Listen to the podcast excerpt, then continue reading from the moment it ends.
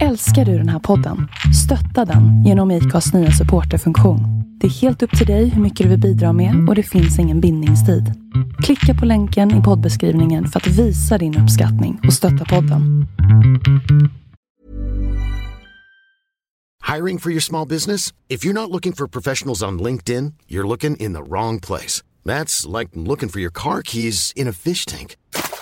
LinkedIn helps you hire professionals you can't find anywhere else, even those who aren't actively searching for a new job but might be open to the perfect role. In a given month, over 70% of LinkedIn users don't even visit other leading job sites. So start looking in the right place. With LinkedIn, you can hire professionals like a professional. Post your free job on linkedin.com slash people today.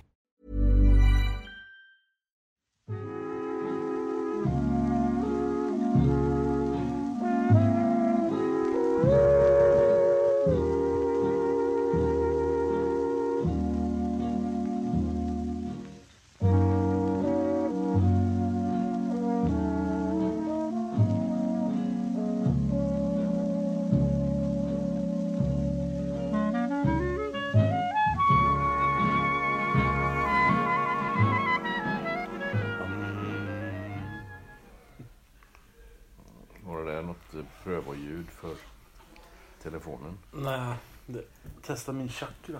Eller vad det heter. Har du en chakra du? Nej, det har jag inte. Det har jag. Jag har aldrig sett den men jag, jag har det. Däremot är jag inte ett dugg intresserad av indisk och liknande orientalisk andlighet. Även om jag tror att det faktiskt mycket väl kan vara verkligt och korrekt och sådär. Jag, jag såg någonting om... Jag har ju alltid trott att det heter feng shui. Men jag fick lära mig igår att det heter feng shui. Okej. Eh, och eh, då tog de upp ett exempel så här att eh, fiskar till exempel, de simmar ju inte. Utan det är ju havet som... Ja, ja. Och eh, fåglar, de flyger inte. Utan det är vinden som... Och då kommer man ju ganska snabbt in på det här med humla. Att de kan ju inte flyga men de gör det ändå. Ja, ja. Jag vet faktiskt inte varför man säger så. För de flyger ju onekligen. Jo, jo. Eh, skulle det förklara feng shui?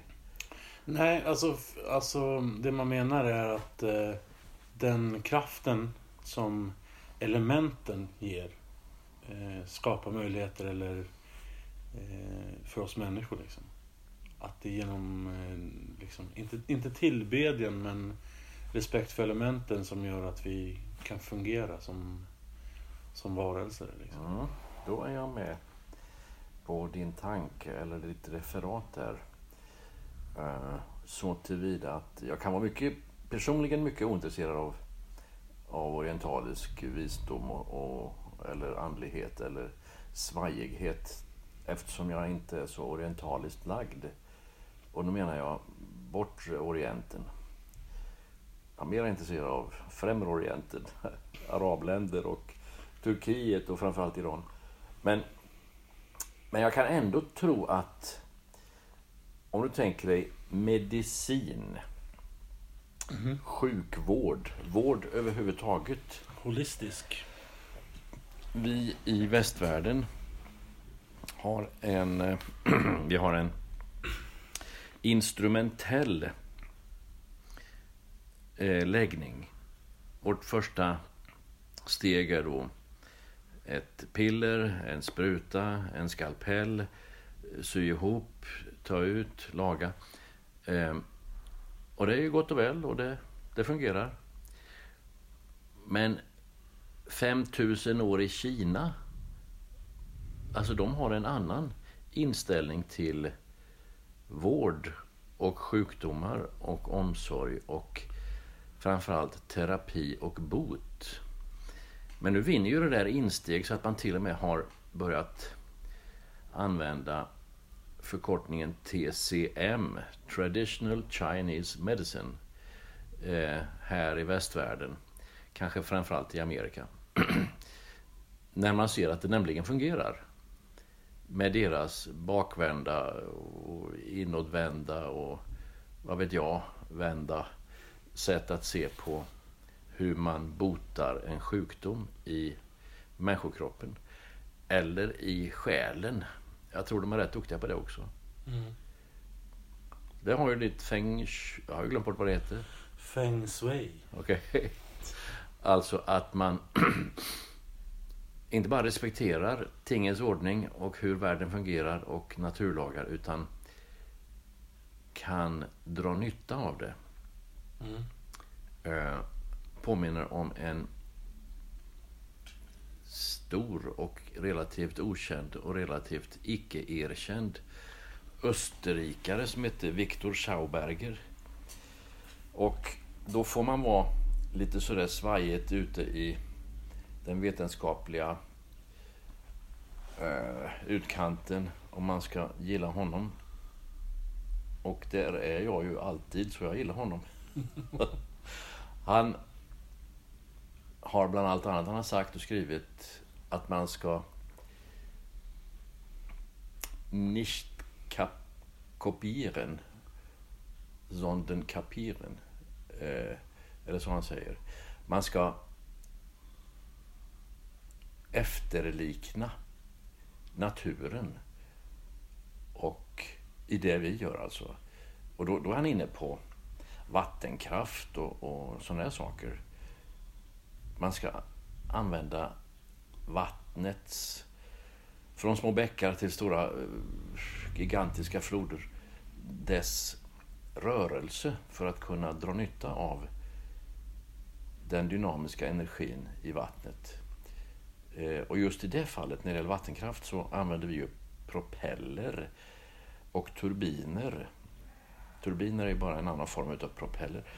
Och alltså slänger ut vattnet åt sidorna. Det gör ju vilken båt som helst som går framåt med propeller. Eller ett flygplan som då går framåt med en propeller eller en turbin. Skickar ut vattnet eller luften åt sidorna och får en dragkraft som för flyget eller båten framåt. Och I hans fall så ska man rikta rörelsen inåt istället. Inte centrifugalt alltså. Utan rörelsen, det, det är jätteknepigt för mig och jag har, jag har inte läst det här på 20 år, men då var det intressant hur han vänder på eh, sättet att, att ta vara på naturen. Och ja, det var Schauberger. Det är lite feng shui det också. Eller sui, eller säg vad det nu heter. Feng shui. Okej, okej. Alltså det är ju eh, kinesiska uttalet. Ja, ja, ja, ja. Men Jag eh, inte. jag menar att eh, allting försvenskas ju. Ja, ja, ja. Feng shui. Men jag är ju en sån dokumentärsjunkie. Mhm. Och eh, jag i vanlig ordning har jag tittat på en ny dokumentär. Och då handlar det om en om mirakler. Mm. Finns de eller finns de inte? Och i i det här fallet så eh, var, handlar det om en man som hade fått någon typ av leukemi. Fått liksom tumörer längs hela halsen som var stora som tennisbollar. Mm. Och samma sak under armarna så, så att han såg verkligen, det var verkligen Frankenstein.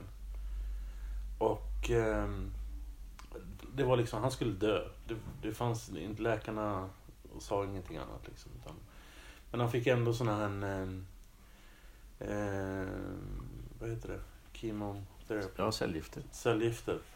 Eh, för att bromsa upp då. Så att han inte skulle dö så fort. Helt enkelt. Och de här tumörerna, de är ju stenhårda alltså. Det är ju eh, bollklot liksom. Mm. Och sen så gick han till sin kyrka och fick eh, förbön av hela kyrkan och sådär. Dagen efter skulle han till, till att få sina cellgifter på sjukhuset. Och då hade de blivit som eh, skumgummi alltså. Okej. Och eh, bara på några dagar liksom, eller redan där på plats så kunde man se hur tumörerna började så sjunka in. Det här var dokumenterat med film alltså? Ja, ja. Eh, och till saken hör ju att den här mannen var ju läkare själv. Oj då, ännu värre. Eh, och eh, han fördömde ju naturligtvis människor som, som tror att man bara kan be och så blir man frisk. Men man kan be om att bli frisk och sen botar liksom Gud en, alltså, det blir mirakler genom sjukvården. Liksom. Det du säger är helt enkelt att Gud välsignar initiativ. Ja, lite så. Fast i någon, i, i någon större kontext kan man väl säga. Ja, men det är lika sant ändå. Eh, och det var en Harvard-professor som hade dokumenterat olika eh, former av ja, det folk kallar för mirakler. Då. Så det finns nog någon speciell superintressant avhandling på det här. Av någon Harvard-professor, en kvinna. Ja, som säkert läggs på en hylla. Det där är ju nämligen oförklarbart. Mm. Oförklarligt. Bortom vår vokabulär. Om vi inte lutar oss tillbaka och säger det här var Gud som gjorde. Mm. Men redan där har vi tagit sju kliv ut i det okända, nämligen att Gud möjligen kan finnas. Och om vi gör det, första steget alltså, Gud finns, ja då kommer ju allt annat. Jaha, vad ska jag göra då? då? Och hur ska jag stämma? Eh, har han intresse av mig? Eh, måste jag... Då kommer allt det här gärnings... Du vet det här islamska återigen. Det, vad måste jag göra nu? Nu när jag tillhör Gud? Nej, du måste inte göra någonting. Men att Gud överhuvudtaget finns är steg ett. Och så får jag i mitt liv som Harvard-professor eller busschaufför eller lärare eller kock ta ställning till vad det här påverkar. Och bara uppleva grejen att Gud finns i mitt liv. Nej men alltså, det som är intressant i det här är ju att det är en, en kille som eh, onekligen har en vetenskaplig utbildning som Ja. läkare. Men också, som också hävdar att, att, läk, eh, att läkaren kan inte bara ske genom det vetenskapliga utan det sker lika mycket i det andliga. Att det måste finnas en symbios mellan de båda för att det ska fungera. Ja. Eh, Det finns ju en, jag vet inte vad den korrekta men eh, förkortningen är, men typ UMT, så här, utan medicinsk tes. Okej. Eh, När alltså, folk blir oförklarligt friska Ja. eller oförklarligt sjuka. Alltså det Mm. finns ingen färdig, färdigt recept på vad man gör när sånt här händer eller varför saker har hänt. Liksom. Mm. Eh, För det är ju jätteviktigt i den medi- medicinska världen och den vetenskapliga överhuvudtaget att det måste finnas en, en, en tes som är liksom begrundad i någonting. Eh, Och det finns, det finns en eh, svensk pastor i Uppsala som heter Mikael Grenholm som precis har släppt en bok som heter eh, Dokumenterade mirakler. Jag har inte fått den än för den har precis släppt men jag förbeställde den. Okej. Så, och, men han har gjort massa utdrag av den på, på Facebook i promotionsyfte naturligtvis. Eh, och det är alltså en hel bok bara full med sådana här saker. Där läkarna så här, bara rycker på axlarna. Sorry, vi vet inte varför det hände. Det är bra att det hände, men vi kan inte förklara det. Mm. Mm. Och att man samtidigt får dem på något sätt att säga att ja, det finns en möjlighet att det är en andlig kraft som har botat dig. Men vi kan inte motbevisa eller bevisa det. Liksom. Mm. Mm. Nej, men det är just det som är tron och andligheten. Det som inte kan bevisas, det man inte kan veta. Eh, för motsatsen till veta, det är inte tvivla och det är inte tveka. Motsatsen till att veta, det är tro. Det där UMT, utan medicinsk tes, det var en bra förkortning och ett intressant koncept. Jag är inte säker på att det är den korrekta. Men alltså det är det man använder när man pratar om de här sakerna. För att det är ju vad det handlar om. Ja. Det du inte kan veta, det måste du tro om det sker. Eh, Men jag får ju ofta frågan när det gäller min tro. Att eh, folk som säger, "Nej, men eh, hur kan du tro på det här? Att eh, en gubbe i himlen har gjort allt det här och bla bla bla. Och så här. Ja men det handlar inte om att, att jag vet att det är så. Men jag tror att det är så. Ja, det är just så. Eh, och sen så eh, tror jag inte på varenda stavelse i Bibeln. Eftersom det är folk som har... Alltså det är en person som har skrivit en specifik sak. Och då är det hans uppfattning. Eh, Blir du sämre av det menar du? Eller vad? nej, nej. Men att jag tror att... Eh, hade jag sett det så kanske jag hade uppfattat det på ett annat sätt. Förstår du? Att det är en personlig iakttagelse. Jo, men det är ju helt naturligt och helt korrekt. Om du och jag står på Storgatan här i Tranås och så kommer det en, en epatraktor och kör på en gammal tant med rollator. Mm. Och så får vi vittna inför polisen vad som hände. Mm. För de är snabbt på plats. Då säger du, Åh, det var en gammal tant med en blå rollator. Eh, och hon ramlade framåt. Och jag säger, ja det, det var en epatraktor. Jag har haft den killen som elev. Han är från Gripenberg. Båda två kan vara helt rätt. Men vi ger helt olika beskrivningar. Mm. Men det är det jag menar. Att därför kan man kanske inte eh, liksom ta det som eh, ett facit liksom, Nej, av vad som mm. hände. Utan att, det- men, men, men man kan vara helt säker på att det har hänt. Och man kan vara helt säker på att den personen som har skrivit ner det har uppfattat det så här. Ja. Ehm, och, eh, men, men jag kan heller inte säga att det finns ett facit till någon annan, något annat som jag skulle tro på mer. Och det- är själva stöttestenen i, i hela grejen. Liksom. Jo, men nu har bibeltexten och bibeln eh, varit i ungefär 150 år. Med början med en fransman som heter Jean Astruc, han var läkare för övrigt. Och en tysk som heter Julius Wellhausen. Eh, under kritik, själva texten. Och alltså, oh, alltså en tvingande kritik riktigt in och ut och varenda liten prick i texten har man gått igenom. Eh, och då handlar det om geografiska benämningar och det här har vi inte någon utombliven källa på. Alltså finns inte det här folkslaget eller den här stan eller något liknande. Eh, och så har man då haft en historisk kritik. Och den metoden, historisk kritik, det är inte alls konstigt. Så är det med, med allt och så ska det vara allt källmaterial vi har. Det handlar om Caesar och Shakespeare, allting som är skrivet. Och så har du då källkritik. Vem är källan till det här? Mm. Och sen har du då formkritik. Eh, Det här kan inte vara skrivet av honom, för han brukar inte använda den och den formuleringen. Alltså sådana saker. Mm.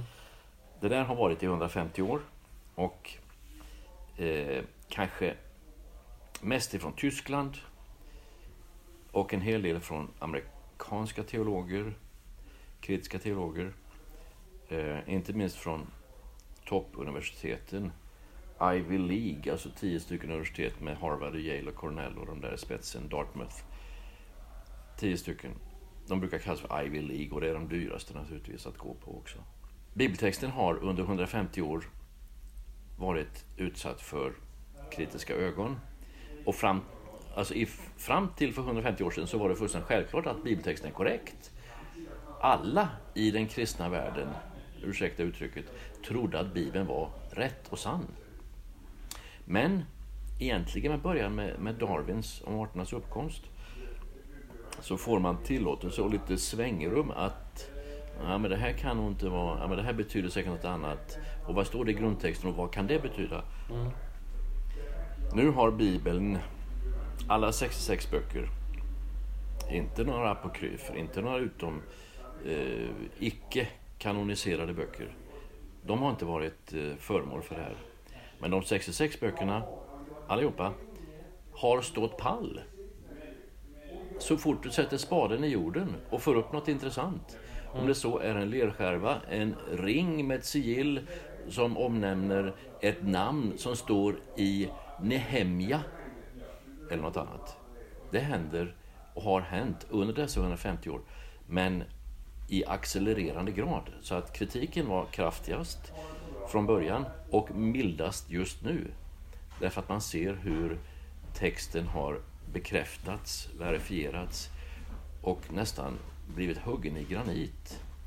Just i dessa dagar, eller de senaste mm, tre, fyra åren, så är samma kritik, historisk källkritik, formkritik, allt det där. Då, och då är det inte Bibeln längre som är under luppen, utan nu är det Koranen. Och nu är det fråga om, det, det blir ju reaktioner på det där. De blir ju, man kan ju föra krig för mindre. om man skulle ifrågasätta något. Men det görs eh, i västvärlden och utav araber, utav muslimer, utav utbildade i västvärlden utbildade professorer i islamologi, orientala språk eh, och liknande. Inte så mycket i deras egna universitet för att där är det ju förbjudet att ens andas en kritisk stavelse. Men det där har varit sällsamt intressant att hänga med på. Och nu vet man, eh, om du tar geografisk kritik, var, var finns Mecka? Ja, det ligger där nere. Det har det liksom alltid gjort. Och Muhammed kom från Mecka, det var hans. Ja, hur mycket Mecka står det om i Koranen? Ja, en enda gång omnämns det som namn och då heter det Backa dessutom.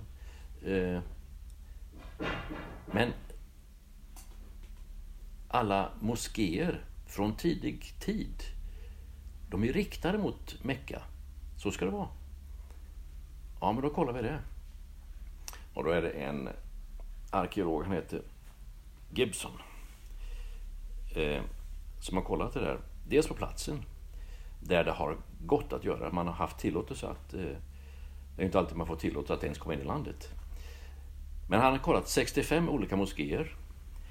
Den längst ifrån ligger i Hongkong, alltså i Kanton, strax norr om Hongkong.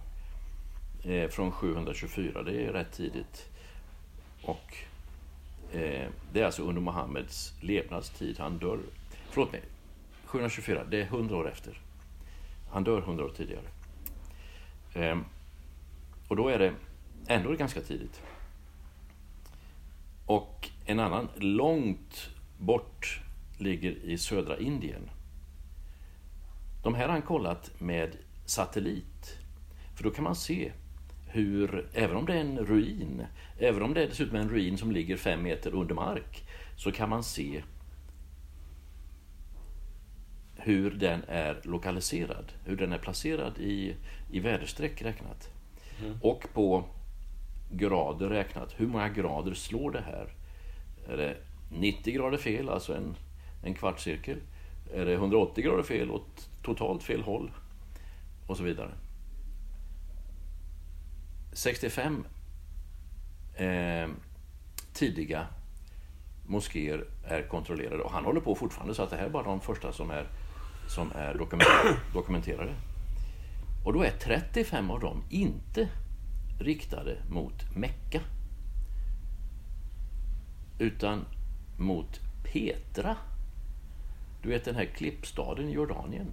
Mm. Med de fantastiska eh, Formationer huggna ur berget. En religiös, ett religiöst centrum. Nabatéernas eh, eh, centrum. Nabatéer det är alltså pappa och mamma till eh, araberna. Jaha, det var ju märkligt. Eh, samtliga av dessa undersökta, med satellit undersökta moskéer i full svang eller som ruiner var då riktade åt fel håll. 35 av de här 65. Eh, och de som var riktade av dessa 65 mot Mecka, de är yngre. De är alltså 200 år yngre än Mohammeds tid. Det där är ju en, en felaktighet eller ett, en knasighet i den islamska tron som man inte kan förklara. För de ska vara riktade mot Mecka. Mm. Trots att staden inte nämns, utan söderut. Eh, man har sådana formuleringar. Guds profet, Guds utsände, åkte söderut, till sin stad söderut, i syd, söder därom. Och allt det där är ju korrekt, alltså Mecka ligger ju verkligen söderut. Men det ligger verkligen ungefär 100 mil söder om Petra. Eh, så det här är början på en kritisk undersökning, vetenskaplig och kritisk undersökning av den islamska, det islamska källmaterialet. Men hur reagerar den muslimska... Ja, det, dels med tystnad. Man låtsas som det regnar. och dels med ilska. Ja, det är deras grej. Ja, för att eh, om, om du gör saker som du vet kommer reta upp muslimer. En rondellhund som föreställer Mohammed och sådana saker. Lars Vilks. Ja. Eller teckningar i Jyllandsposten. Eh, då liksom bara bäddar man ju för en konflikt. Det är ganska ovist och korkat. Särskilt Jyllandsposten som är en redan på under andra världskriget en nästan nazistisk tidskrift. Fortfarande en mycket eh, nationalistiskt lagd tidning. Hela, hela Danmark är ju, andas ju det. Nej, det gör de inte. Jo, men det, ja, nu, jag ska inte svära på det, men, men alltså bilden av danskar och sett hur man bedriver en politik och sådär i Danmark så känns det som ett eh, nationalistiskt land liksom. Mm, Ja, ja. Politikerna skulle ju inte kunna driva en sån linje om det inte redan fanns ett, en gräsrot för det. Mm. Ja, det är säkert lättare där än här. Det tror jag. Ja, Men när vi ändå är inne på eh, islam så... oj då, är vi det? Ja, Vad konstigt. allt som oftast. Ibland känner jag nästan att vi spenderar lite för mycket tankekraft på... Ja, men alltså du och jag, vi umgås ju med muslimer så att det är inte så konstigt. Nej. Men eh, eh, jag berättade ju tidigare i veckan för dig om eh, att eh, rektorn på mina barns skola hade skickat ut ett meddelande där det stod ungefär så här. Ja, nu är det Ramadan och eh, eh, vi vet att det är barn som fastar. Och vi märker att, eh, att de är trötta och inte orkar med skola och fritids så kommer vi typ ta till åtgärder. Punkt. Eh, och ja, hur ska man reagera på det? Ja, alltså jag tycker din rektor gör helt rätt där. Dels kan hon visa musklerna lite grann. Dels sätter hon kursen för så här ser denna skola, där jag är chef, på den här yttringen. Och dels är hon helt eh, inne på rätt spår för att barn behöver inte fasta. Det är, alltså de behöver verkligen inte fasta för att de är barn. Sen finns det någon gråzon där när de själv vill. Så står det uttryckt. Eh, och det är ju en gråzon naturligtvis. Och då kan du tänka dig någon som går i sjätte klass, 12 år och har tagit ställning och eh, vuxen och hijab på huvudet och allt det där. Ja, men nu är det så här så du.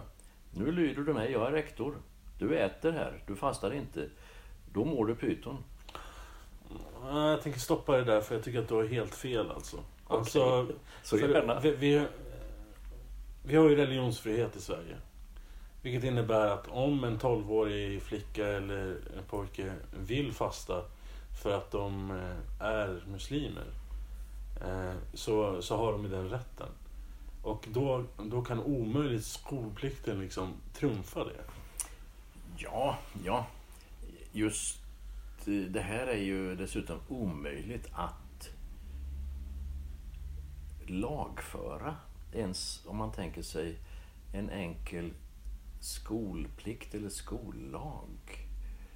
Eh, nu är det inte frågan om bara fasta eh, med att man inte får tugga och äta. Du får inte dricka heller.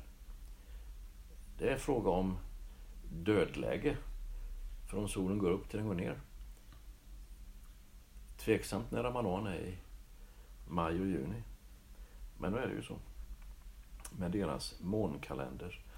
Men alltså det skiljer sig ju inte så jättemycket från att eh, vi eh, i mars, eh, april har fasta. Fastekampanjer och... och Och det är en jätteskillnad. nej, det är inte alls en jätteskillnad. Det är all skillnad i världen. Det är en marginell skillnad, Nej. möjligtvis. Nej, vi fastar ju inte nämligen. Men även där, i katolska länder, där man försöker hålla fastan aktuell, så fastar man bara bort en sak. Kött. Mm. Fast jag har ju sett här, och framförallt på mina egna barn, att när det var fastekampanj här så var de jättepåverkade av det och ville liksom... Eh, eh, det var på gränsen till hungerstrejk liksom. Så att, eh, och jag såg ju ingen, inget meddelande från rektorn då. Okej. Om att det var något nej, nej, problem. nej. För det är ju nämligen... eh, in- Kristet och helt okej. Nej, men, nej, nej, det är ingen stor sak. Eftersom det inte sker.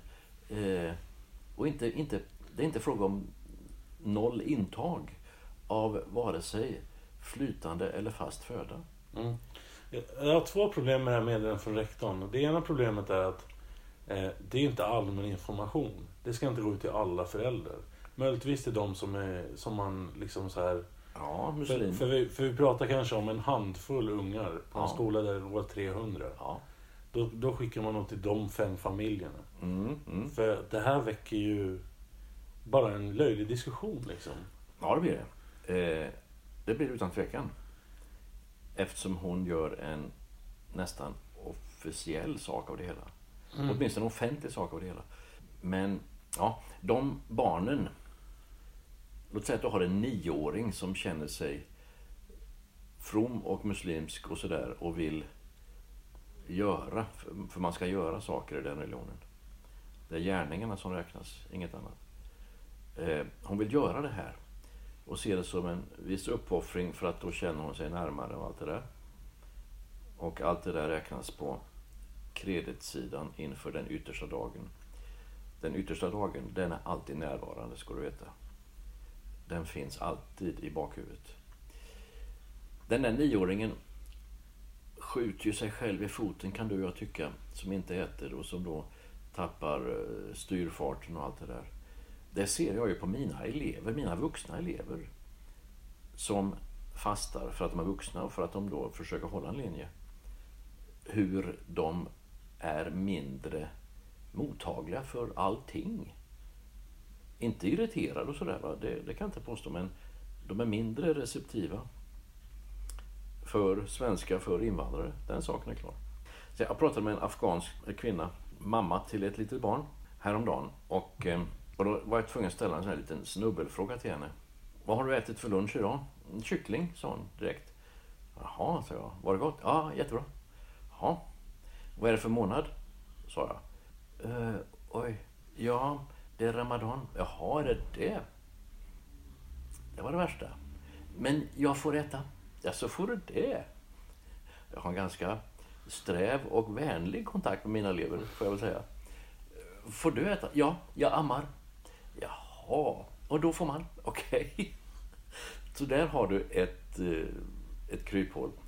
Eh, Helt utskrivet alltså, det är helt rätt. Och barn, och de som ammar och de som är sjuka. För att min mamma, hon fastar inte. Nähä, varför det då? Hon ammar ju inte. Nej, men hon har diabetes. Och din pappa då? Jag har haft både pappan och mamman i skolan också. Han fastar. Och så var hon, hängde det liksom kvar lite i luften där. Alltså han fastar, men inte så aktivt. Han fuskar lite, sa hon Ja. mellan raderna. Ja, men så jag, jag har egentligen inget eh, problem. Jag, alltså jag tycker inte att eh, barn ska fasta och jag tycker inte att man ska göra så stor grej av det. Men det som irriterar mig är att, att man skapar en större osämja genom att eh, skicka Ja. sånt här meddelande istället Yes. för att ta det. Det är nästan lite Jyllandsteckningar över det hela. Ja, Det är det. och det personifierar den här rektorn i alla sammanhang. Ja, ja. Så att, att eh, det är inte förvånande på något sätt. Men, men jag tänker också att eh, ibland, speciellt när det handlar om islam och muslimer, så är det som att vi tar deras rättigheter lite liksom svajigt så här. Ja men religionsfriheten är inte så jätte... Det är viktigare med skolplikten och det är klart att det är det men, men hade, jag tror att det hade analyserats på ett annat sätt ifall fastan var en jättestor grej bland, bland eh, i den här tidsepoken bland, bland oss liksom. Jag tror att man har tagit det på tolkat det på ett annat sätt. Du minns kanske för två, tre år sedan så var det en, en eh, afghankille. En typisk afghan, en hazar i Miljöpartiet. Han har varit här tillräckligt länge för att prata bra svenska och var aktiv i Miljöpartiet. Som blev intervjuad av någon som då Kvinna. Eh, en kvinna, ja. Och hon sträckte fram handen för att tacka honom eller för att hälsa honom välkommen eller något liknande. Och han eh, mycket artigt lägger handen på bröstet och säger att jag kan inte eh, ta din hand. Varför då, då? Är det för att jag är kvinna? Det visste hon ju mycket väl. Och när man ser de klippen så är det tydligt att hon lägger upp det finns ett smashläge här alltså. Hon lägger upp bollen så att det ska bli en liten kontrovers här. Eh, är det bara för att jag tycker ja, min religion säger att och så vidare. Där ser du, där har du en annan femma. Han är helt i, eh, det är helt i sin ordning att han inte hälsar på den här kvinnan genom ett handslag. Han bugar artigt och är mycket, mycket klädsam på det sättet i sitt sätt att eh, tacka henne eller hälsa henne eller vad det nu är han gör. Men det blir ju en grej av det hela och det till och med blir en grej i Sveriges riksdag där Stefan Löfven och eh, eh Kinberg Batra, vad heter hon i förnamn? Anna Kinberg Batra. Mm. Inför kamerorna står och tackar varandra i varsin talarstol direkt, eller under samma dag faktiskt, som detta hände. För att visa att här i Sverige så kan man ta varandra i hand. Han är helt rätt ute, den där afghanpojken, som inte tar i hand. Och han gör inget fel. Och nu är det religionsfrihet det handlar om. Men han får ju springa gatlopp och blir, jag tror han blir avskedad, alltså avpoliterad från Miljöpartiet och allt det där. Eh, där gör media och eh, den allmänna drevet honom till syndabock och irriterar den muslimska minoriteten, alltså hela kollektivet, med sitt sätt att rapportera det. Mm. Då blir det ett slag i ansiktet. Så hon, den kvinnliga reportern, skulle verkligen inte ha gjort det här. Anser jag. Där är det att trampa på religionsfriheten. Ungefär som att man skulle säga någonting illa, visa någonting dåligt med nattvard mm. för oss som är kristna. Om vi då har en nattvardsgudstjänst eller en nattvardshögtid i något buddhistiskt, hinduistiskt land eller något liknande. Det skulle vara samma felaktighet i, med, av eh, respekt. Mm. Men då är vi inne på en väldigt intressant fråga som jag tänkt väldigt mycket på. Under, ja, under de två senaste åren i alla fall. Och det är ju att Alltså vi är ju... Tack vare religionsfriheten så är vi väldigt eh, öppna för att man, man på något sätt får använda sin religion som ett skäl till att slippa saker. Ja. Eh, så om, om man nu vi, vi säger att du är anställd hos kommunen. Du jobbar 7 till 4 varje dag. Eh, och, eh, men du är kristen och du vill eh, eh ha morgonbön klockan 8.30 varje morgon. Har du rätt då att eh, gå till din arbetsgivare och säga så här, jag, jag måste få en halvtimmes break mellan 8.30 och 9 för att jag, jag ska be då? Ja, du får gå och säga hur mycket du vill. Du har ingen rätt att få det. Nej, men bestrider inte det religionsfriheten? Att inte man har rätt att, att man, Men varför inte? Det finns inget i den kristna religionen som säger att 8.30 ska det bes. Du kan be vid din maskin eller vid, vid din traktor eller i, bakom charkdisken hur mycket du vill. Eh, ändå. Ja men den geografiska platsen spelar ingen roll. Men att man får ta... Att man har möjlighet att gå ifrån sitt arbete för att kunna eh, leva med sin tro. Ja, nu blir ju det en mycket lokal liten grej mellan dig och din arbetsgivare. Och det är tänkbart att du får det för att arbetsgivaren är vänlig. Men han har ingen som helst skyldighet i världen att ge dig ledigt. Ja, men var, var, var går gränsen för vad religionsfriheten eh, bestämmer så att säga? Om det här skulle vara en okränkbar del av att utöva din religion. Vi säger det. Mm. Bön 8.30. Fem dagar i veckan. Då skulle det vara att trampa på religionen om du inte fick det. Eller hur? Mm.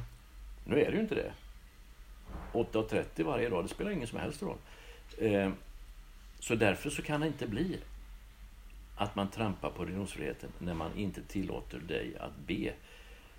Och det finns ju ingen nationell politik som skulle kunna tillämpas här, inte på vis. Och nationell politik, det är ju grundlagarna och därmed religionsfriheten tryckfriheten, successionsordningen och allt det där. Så det, det går inte. Men kan... Vi vänder på det. Skulle en arbetsgivare kunna hindra mig från att be? Genom att du går bort och lämnar din Nej, arbetsplats. men att oavsett om jag stannar kvar eller lämnar. Ska, kan, kan arbetsgivaren säga så här, ja men du får inte be på arbetstid. Nej, det kan han inte. Eftersom bön sker ju osynligt och mellan dig och Gud och ingen ser vad du gör. Nej men ponera att folk ser vad jag gör. Att jag står vid, mitt, eh, vid min maskin och eh, alla Mikkel och, och har en synlig bön. Liksom han ser att jag ber. Kan han hindra mig från att göra det? Om det hindrar dig i ditt arbete så kan han förstås det. Som arbetsgivare. Inte som rikspolitik, det går inte. Men inskränker man inte på religionsfriheten då ifall han försöker hindra mig från att be på arbetstid? Jag är säker på att eh, om det vore ett ärende för muslimer så skulle det vara det första de säger. Vi har religionsfrihet här, jag får be mycket jag vill, fem gånger. Jag ska vara riktad däråt.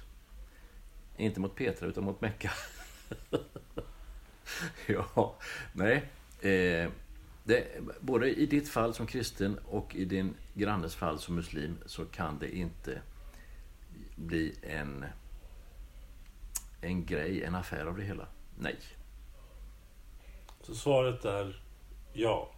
Det inskränker inte på religionsfriheten. Nej, men alltså en arbetsgivare kan hindra mig från att be på arbetstid. Om det skulle påverka ditt sätt att utföra arbetet, jajamän. Ja. Oh ja. Men det gör det ju inte. Bön eh, hindrar inte dig för någonting. Om det inte skulle vara så att du är tvungen att rikta dig mot något håll och lämna arbetsplatsen eller lämna det du gör. Har man inte rätt så att det är fem minuter rast i timmen eller någonting?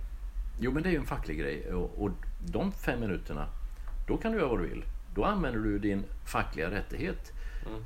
Framförhandlad under långa och många nätter mellan ditt fackförbund och arbets, den centrala arbetsgivaren. Oh ja. Mm. Det där är för övrigt någonting du kan vara lite stolt över. Som svensk. Du kan mycket väl vara stolt över Det var inte riktigt fika. Det kändes som att jag var sen. Du kan vara stolt över att du lever i kölvattnet av Saltsjöbadsavtalet. Känner ingen som helst stolthet över det. Jo då, det kan du göra. Jag kan, men jag gör inte det. Lugn här nu. Det där är ju inte någonting de kommer överens om över en helg på Grand Hotel i Saltsjöbaden. Det tog flera år att bara förhandla. Arbetsgivarföreningen, han heter Kugelberg, eh, deras eh, högste man där, och LO. De förhandlade så att svensk arbetsmarknad har varit hyggligt konfliktfri sedan 1936 och framåt. Men det tog faktiskt flera år. Allt medan i England, när man hade industri i England, det är ju ett tag sedan, kolgruvor, eh, metallindustri, alltså tunga industrier, där kunde man strejka från en förmiddag till en annan. De hade inte det här tvingande för hela nationen gällande kollektiva avtalet. Nej, men då känner jag väl mer stolthet över Ådalen 32. Där man instiftar att militärer inte får ingripa i nationella demonstrationer. Ja, det kan du gott göra i all synnerhet som du har bott där. Ja. Fantastiskt café där på sommaren. Jag rekommenderar att besöka det. Vad heter det kaféet? Ådalen 32. Ja, men jag tänker inte det, utan det där kaféet vid gamla, gamla Höga Kustenbron. Ja, det Är är, det. Ja, det heter Café 32. Med den där jättegubben i neon. Ja, Café 32. Jaha. Sen Ja, så jag rakt, varit där. rakt över vägen så har du ett, ett anrikt bilmuseum också. Jaha, där har jag inte varit. Men jag har varit på det kaféet faktiskt. Ja, Eh, när den vägen var den enda man tog.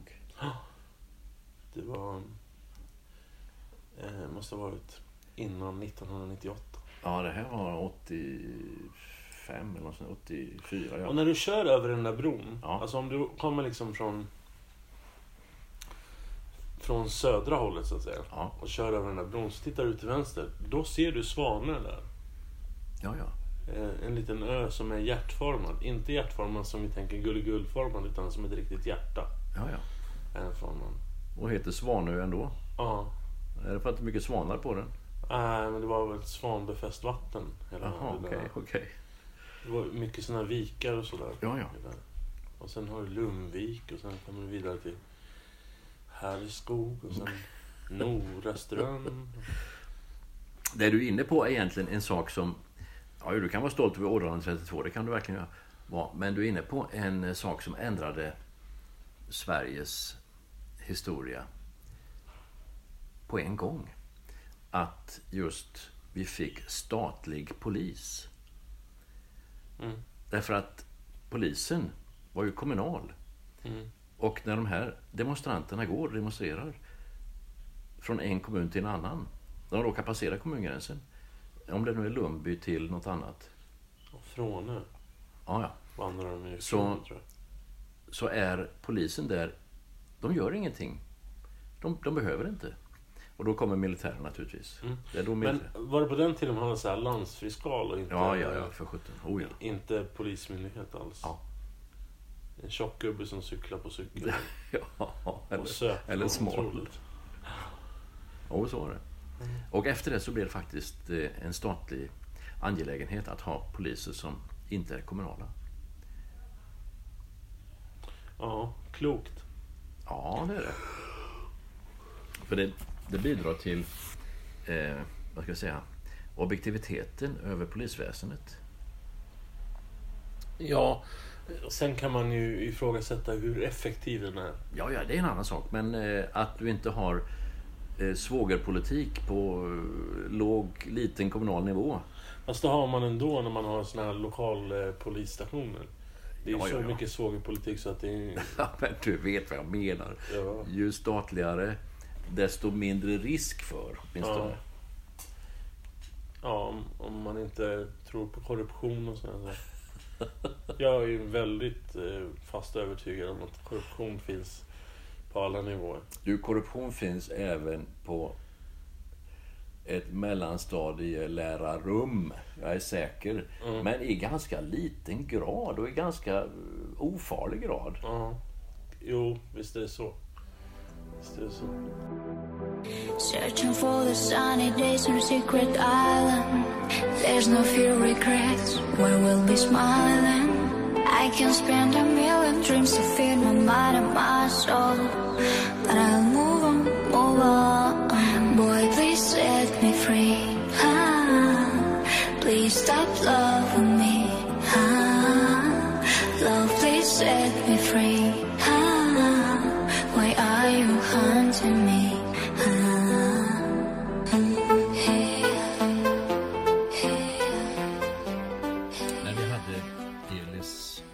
som gäst som då hade och har god erfarenhet, mångårig erfarenhet av tredje världen, öststater, ända bort till Mongoliet. Så nämnde han nästan bara i förbigående att korruption är bland det värsta som kan finnas i ett samhälle, i ett land eller bara i en region. Eh, när man inte kan lita på det som har sagts eller skrivits under. När man inte kan göra saker från en vecka till en annan utan att vara rädd för att någonting har ändrats eller någonting ska komma att ändras med hjälp av pengar, med hjälp av svågerpolitik. Då underminerar det varje mänsklig gemenskap egentligen. Liten eller stor som ett stort land eller liten som i en familj eller bostadsrättsförening, vad vet jag. Så han går in på korruptionen som ett virus. Mm. Och han har nog rätt så rätt där. Ja, vi är ju ganska främmande för det där egentligen i, i Sverige. Eller vi, det är klart att det existerar men att eh, vi är inte så exponerade för det på samma sätt. Mm. Det är inte självklart för oss. Det är tvärtom osjälvklart Mm. att behöva betala under bordet bakom rygg. Eh, Ett ögonkast hit betyder 100 dollar där, Mm. 10 euro där. Vad vet jag. Men jag har ju pratat om min eh, bror tidigare som jobbade i Moskva. Ja. Och alltså jobbade åt SAS. Och SAS eh, gav ju en specifik klumpsumma liksom hela tiden för att han skulle kunna muta sig fram bland poliser och, och eh, andra tjänstemän liksom. Och, eh, bara för att känna sig trygg liksom. Eh, och det där får man alltid tänka att människor som kommer från sådana ställen där korruption är en, en naturlig ingrediens i vardagen. Måste ibland ha det väldigt svårt att liksom ställa om när de kommer till ett land som Sverige. Där det inte existerar. Mm. Oh ja. Bland gemene man i alla fall. Mm. Ja, det existerar inte på ett självklart sätt. Men man brukar säga ibland att man, man smörjer någon. Och, eller smörar för någon. Alltså lite, lite sådär tveksam, eh, tveksam hantering men inte så farligt. Men det här är verkligen inte smörjmedel för det här är grus i maskineriet. Om så gruskorn i en stor maskin eh, små sandkorn. Allt det där är negativt. Jag håller med dig, vi kan vara rätt så tacksamma över att vi inte har det. Och de som kommer hit som har det mera i ryggmärgen får lite svårt att se. Eller vad dumma ni är ni svenskar. Men det är precis tvärtom. Vi är tvärtom inte alls dumma när det gäller att ta ställning mot sådana saker som smörjmedel. Ja, men alltså i det hänseendet så blir det ju en, en gräns som inte är synlig på något sätt. Var går gränsen mellan att smörja och eh, att liksom använda andra medel för att få det man vill? Liksom. Jo, men det är alltså gränsen går vid att maskinen fungerar. Eh, om du tänker att korruption eller opåkallad, orättfärdig eh, vinst genom en liten gåva, genom ett, en kontakt, genom någonting sånt där som du tillskansar dig för att du har möjlighet. Det är grus i maskineriet. Men smörjmedel för samma maskin det är när du känner någon och ah, men vi gör ingen grej av det. Eh, det. Det fungerar ändå. Eller ja, men jag ska gå hem till henne, hon är bra på att klippa hår. Ja, så tar jag med min bror också. Eh, alltså då har ju då har ju jag dragit nytta av någon som är duktig på att klippa håret eh, utan att betala. Nej, det där är bara smörjmedel. Så där, där, då kommer ändå vänskapen, det vill säga maskinen, fungera. Men alltså jag tänker att... Ja. Ja men alltså vi säger att eh, jag har fått eh, sparken och behöver ett nytt jobb och du hjälper mig att fixa ett nytt jobb. Mm. På samma ställe som du jobbar. Och sen så... Eh, den delen på det företaget där du jobbar, det ska läggas ner och så blir du arbetslös. Mm. Då eh, blir det där som du gjorde för mig helt plötsligt en börda för mig. Ja, du kan se det så. Eh, och din ryggmärgsreflex möjligen är att nu ska jag se vad jag kan göra för att min vän här ska få ett jobb någonstans om jag kan hjälpa honom på något sätt. Det, Mm. det är egentligen så du ska tänka. Utan att betala, utan att smöra, utan att vända ut och in på dig själv. Ja. Men jag, jag märker det där när, när jag då eh, skjutsar, åker i bil med diverse elever från olika länder till diverse tråkiga ställen. Apoteket, tandläkaren, Försäkringskassan, socialen. Sådana där ställen som då är för en relativt nyanländ. Det kan vara upp till eh, tre år att han har bott i Sverige. Han eller hon är ändå väldigt tafatta när de ska ta del av offentligt skrivet formulär, en offentligt skriven svenska eh, och kunna säga ja eller nej eller veta när jag ska komma eller vad handlar det här mötet om och eh, påverkar det mig på ett eller annat sätt och förlorar jag pengar på det, eh, tjänar jag pengar på det, är det här, ja, sådana saker. Det betyder då att jag är ju inte en del av korruptionen och jag tar ju inte betalt för det där. Om jag däremot tog betalt, då skulle det vara korrupt.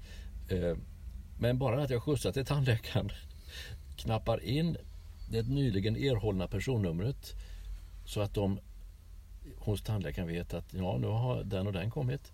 Eh, allt det där som då jag kan göra med vänster hand samtidigt som jag pratar med eleven eller barnet i fråga. Eh, det där är bara smörjmedel. Mm. Dessutom är det ganska kul. Det är roligt att gå till socialen. Det är kul att gå till Försäkringskassan. Ja, när man eh, gör det i... för någon annans räkning. Nej, alltså det är kul att se eh, saker du inte har anledning att se när du lever ett normalfungerande svenskt liv fem dagar i veckan. Mm. Eh, det är kul att se att även det jag aldrig stöter på är en, en omtänksamhet som då goda beslutsfattare någon gång har beslutat om. Ja, nej men, men det är det jag säger. Att när man går in för någon annans räkning så är det säkert en eh, någon sorts eh, tillfredsställelse i att eh, ja, men det här systemet fungerar. Det, det som det är skapat för, det, det funkar för. Men när man är i det, om man nu tvingas vara där, så är det inte lika tillfredsställande. Nej, det är klart. Eh, För då helt plötsligt, så, det är ju ens eget liv man bollar med liksom. Ja. Och nu tänker jag inte så här på folk som går på socialbidrag och sådär utan när det, när det i grund och botten handlar om rättsliga åtgärder som tvingar en att vara i kontakt med, Ja. med sådana myndigheter. Oavsett om det är Försäkringskassan eller whatever. Jag minns för 25 år sedan när det var bosniska flyktingar som kom till Sverige och sökte asyl och det var inbördeskrig i Bosnien. Så, då hade vi den erfarenheten på, på SFI-undervisning att eh, varje gång en elev eller en elevs hela familj fick permanent uppehållstillstånd så kom han eller hon dagen efter med en tårta till, till lärarrummet. Och det var ju trevligt. Eh, det var det verkligen. Men då kom också konditoritraditionen från Jugoslavien. Och det innebär att det var en tårta som var jättevacker. Och över alltihopa, nästan varje gång, så hade man hällt rosenvatten. Det är ju lite osvenskt. Och det, och det luktar ju parfym och det delvis smakar lite parfym också. Så de där parfymtårtorna, de blev vi ganska nöjda med efter 14 gången. Eh, Men det var ju trevligt. Och det var ju deras sätt att säga att de var tacksamma till att de hade fått permanent. Eh, Men, och det var ju inte korruption på någon grövre nivå. Mm. Men rosen, eller parfymtårtorna, de blev en återkommande detalj. Ja, men det klassificerar jag inte alls som någon sorts eh, korruption, inte ens nära. För de, då har de ingenting att vinna på det längre. Nej, hon är. Det det De var bara en tacksamhetsgest för att de hade vunnit något. Det är ju det är ju någonting som vi måste lära oss mer av i Sverige tycker jag. Ja, ja, ja. Alltså min mamma hon åkte ju aldrig någonstans utan en påse bullar liksom. Ja, Det, det, var, det fanns liksom inrotat. Och det finns inrotat i mitt huvud också. Varje gång man blir hembjuden får jag panik så du vet inte vad jag ska ta med mig. ja, ja. min fru likadant. Det, Eh, jag tänker ju aldrig i de termerna men, eh, men det, det är en jättepositiv tanke. Som jag alltså inte har naturligt på något sätt. nej, men jag tror att det håller på att suddas ut. Jag tror att det, den äldre generationen tänker nog så. Eller har det liksom i, i ryggmärgen. Jag hade en finsk klasskamrat för många år sedan som eh, när vi var nygifta med fru och jag och vi, vi bodde eh, i varsin uppgång. Den här finska mycket vackra flickan och hennes man som var från Göteborg och jag och min fru i varsin dörr. Eh, och sen eh, kom hon in en gång med en påse bullar. Jaha tack, eh, sa vi. Ja, så här gör man i Finland varje gång man bakar bullar. sa hon då. Så då hade hon bakat bullar och, få, och så blev det eh, alltså en liten påse till grannen. Och det var ju en väldigt vänlig gest. Mm, ja, men det där känner jag igen. När morsan bakade när man var liten. Spelar ingen roll om vad man skulle till liksom. Så ta med en påse bullar. Ja. Eh, och allra helst när man kom upp i skolåldern. Så det, de fick ju förbjuda sånt i min skola. När jag gick där i Lästringen de första åren. För att eh, det var ju var, varannan dag. Var det så. här, Ta med bullar till skolan. Ja, det lät som eh, ganska långt ifrån fasteförbudet. Ja, det kan man ju säga. Okej. Det kan man lugnt säga. Och det var... Det, det är en grej som jag har tänkt på ganska ofta också. Att, att de, det som är liksom arkitekturen i dagens skola. Alltså fundamenten. De fanns inte alls när jag gick i skolan. Jo då.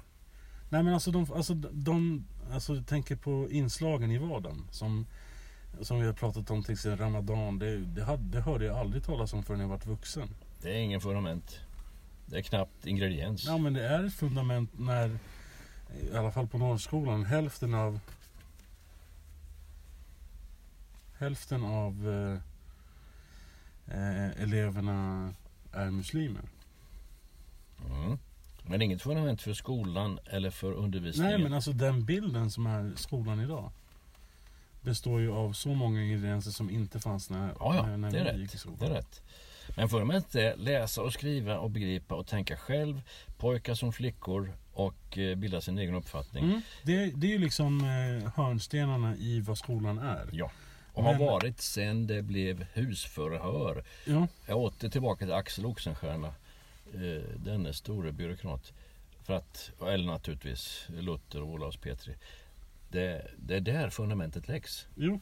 Men ju, ju mer samhället utvecklas, ju mer multikulturellt vi blir som, som samhälle betraktat. Ju mer inslag kommer det in i skolan som, som inte har funnits i tidigare generationer.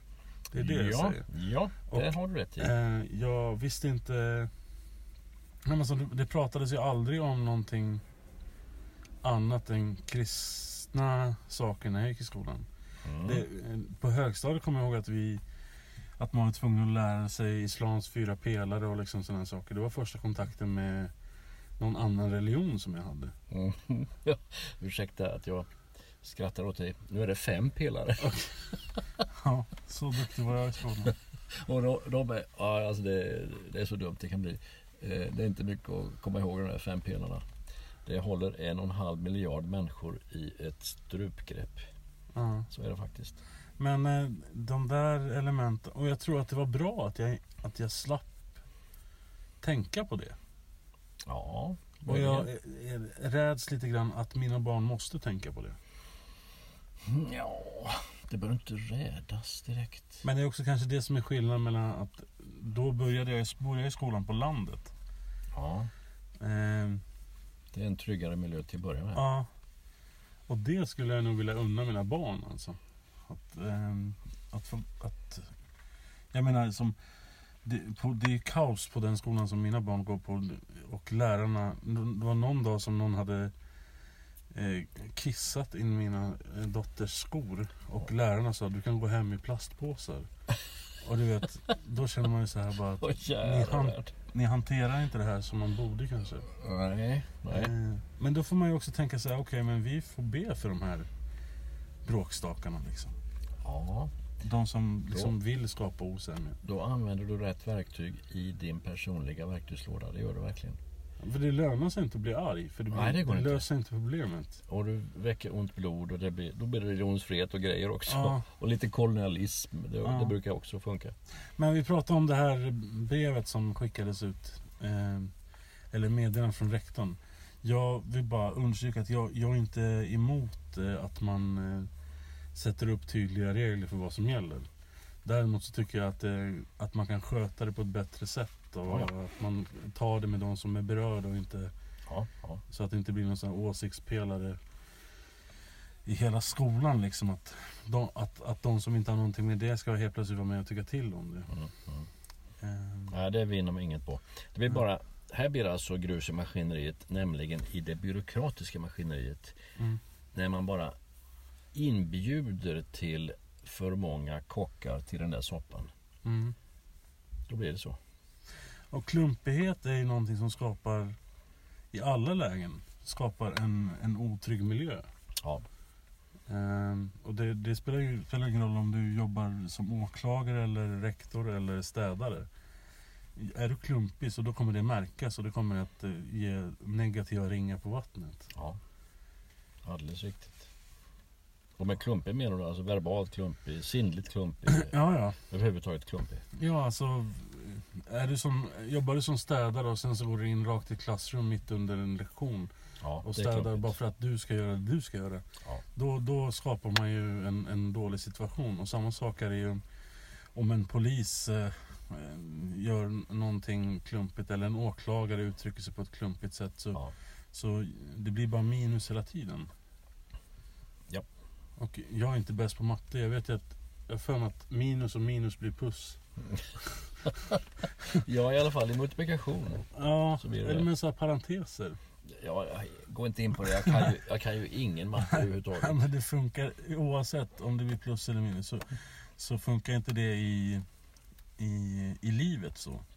Att om man gör två negativt så blir det ett positivt. Liksom. Utan, ehm, Nej, du har alldeles rätt. Eh, och den där buffligheten eller en ovishet i att göra saker som din städare där som går in och, mm, och avbryter när eleverna sitter och har skrivning och lyssnar på eh, hörövning på engelska.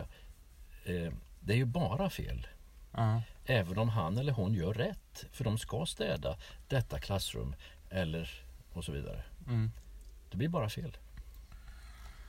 Ja, man, man tjänar liksom inte någonstans på det. Sen påminner det om en, gam, en, en gammal liksom, direktör på något företag på 30-talet. Den buffligheten liksom. Ja. Och eh, är det någonting vi bör komma ifrån så är det ju typ den människosynen. Mm. Att man gynnas av att man eh, gör, gör sig hörd på ett negativt sätt.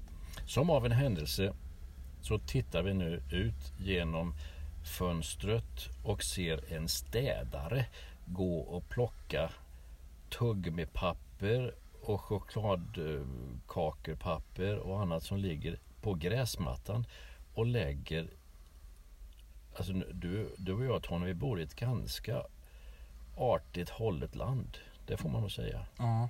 Det där var ju oregisserat men vi ser honom just nu 10 meter härifrån. Mm. Apropå städare. Ja. Sen kan man ju se ett annat ljus också. Att det är en, en man som går att, och eh, efterregisserar det folk innan har misslyckats med. Ja, ja. Men det är ett arbete som är vettigt.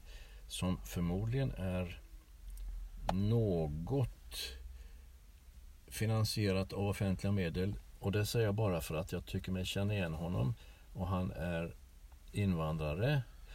Och har fått ett arbete som han sköter oberoende. Han ser ju oss inte, så han gör det alldeles på egen hand. Han skulle bara kunna gå med sin vagn och, lämna allting.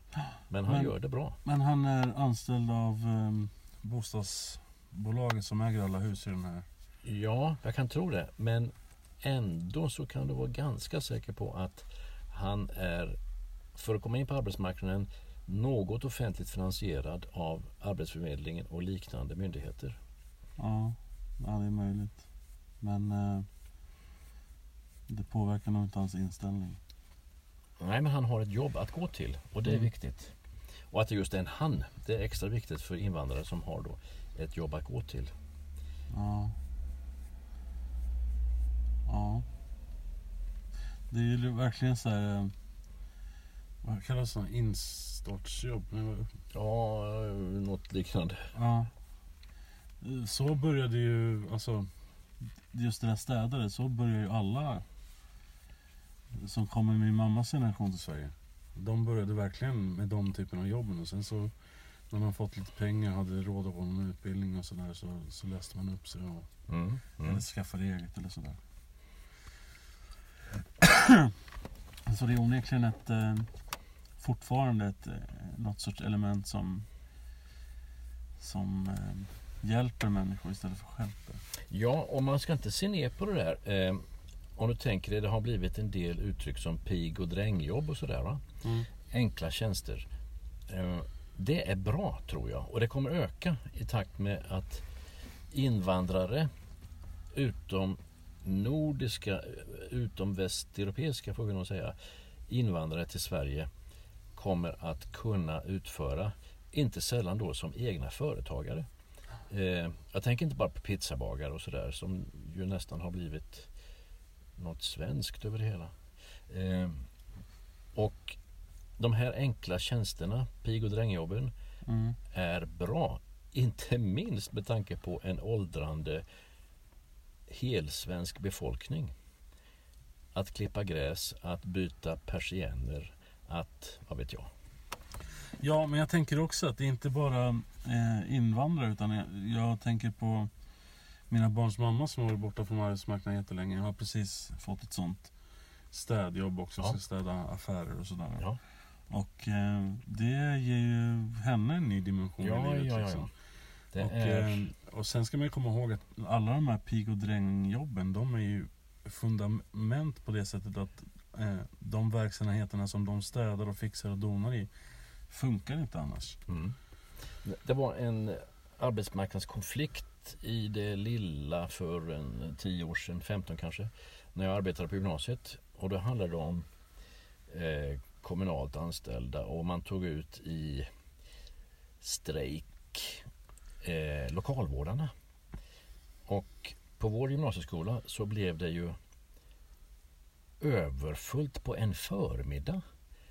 Och den, den där konflikten varade en knapp vecka eller kanske en vecka. Och alla skolor som var drabbade i Sverige, det var ofta då skolor man tog ut dessa eh, lokalvårdare. Det blev ju svinstior. Mm. Och det tänker man inte på när städerskorna, lokalvårdarna, gör sitt jobb. Mm. Men när de inte gjorde det, när de var uttagna i konflikt, då tänkte man på det. Men det är samma sak med... Eh, min moster skulle flyga till Turkiet här för förra veckan. Och SAS tog ut eh, sina piloter i, Ja, ja. i strejk. Och då vart, eh, de vart sittande på Arlanda och väntade på planet. Sen kom de iväg till slut. Men, men eh, ändå, liksom, man tänker inte på hur viktigt det ändå är.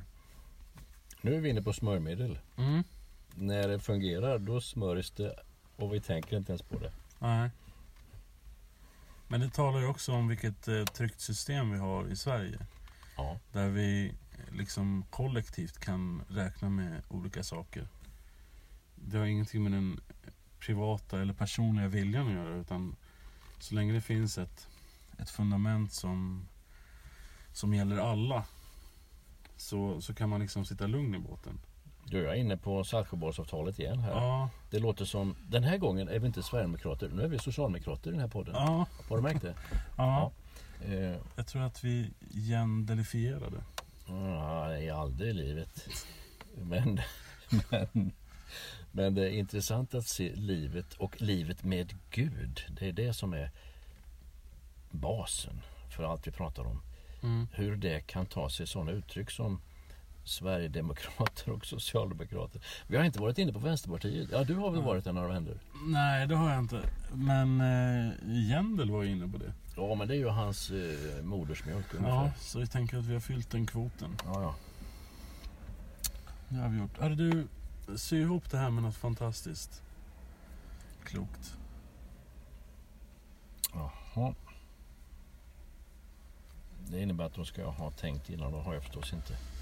Eh, men då ska vi ta och skjuta från höften. Mm.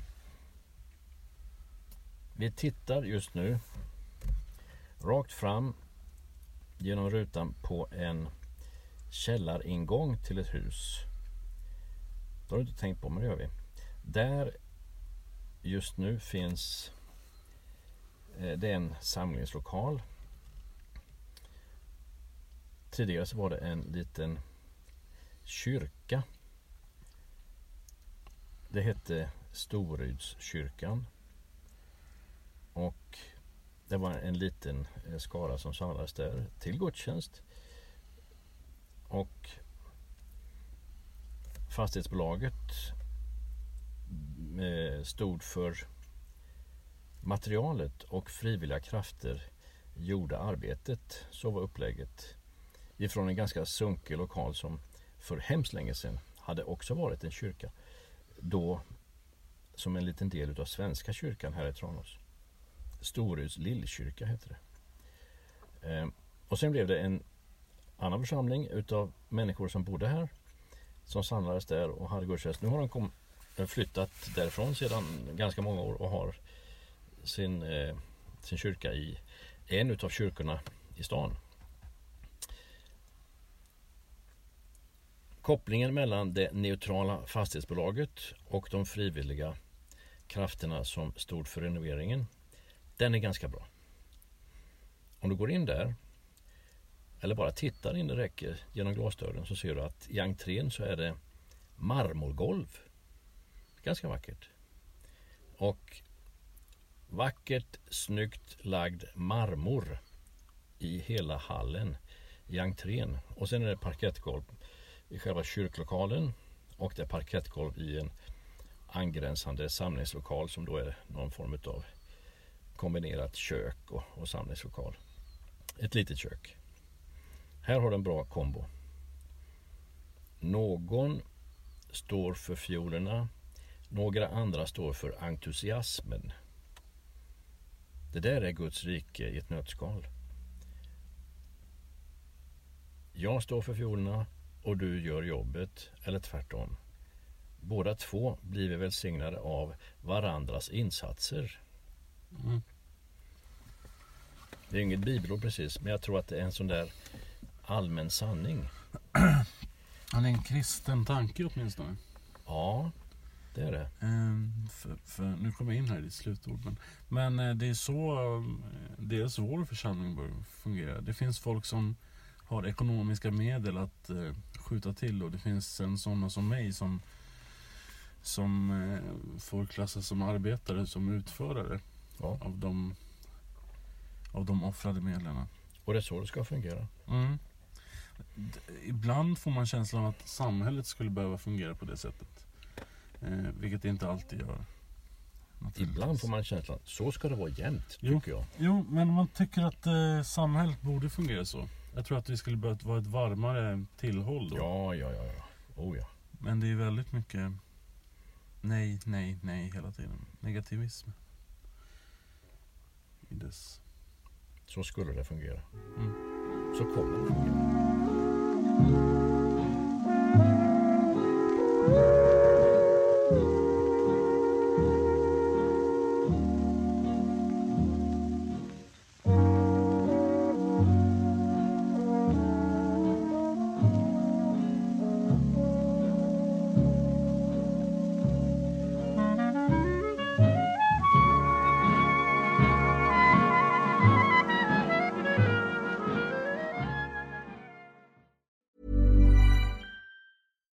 Here's a cool fact a crocodile can't stick out its tongue. Another cool fact you can get short term health insurance for a month or just under a year in some states. United Healthcare short term insurance plans are designed for people who are between jobs, coming off their parents' plan, or turning a side hustle into a full time gig. Underwritten by Golden Rule Insurance Company, they offer flexible, budget friendly coverage with access to a nationwide network of doctors and hospitals. Get more cool facts about United Healthcare short term plans at uh1.com.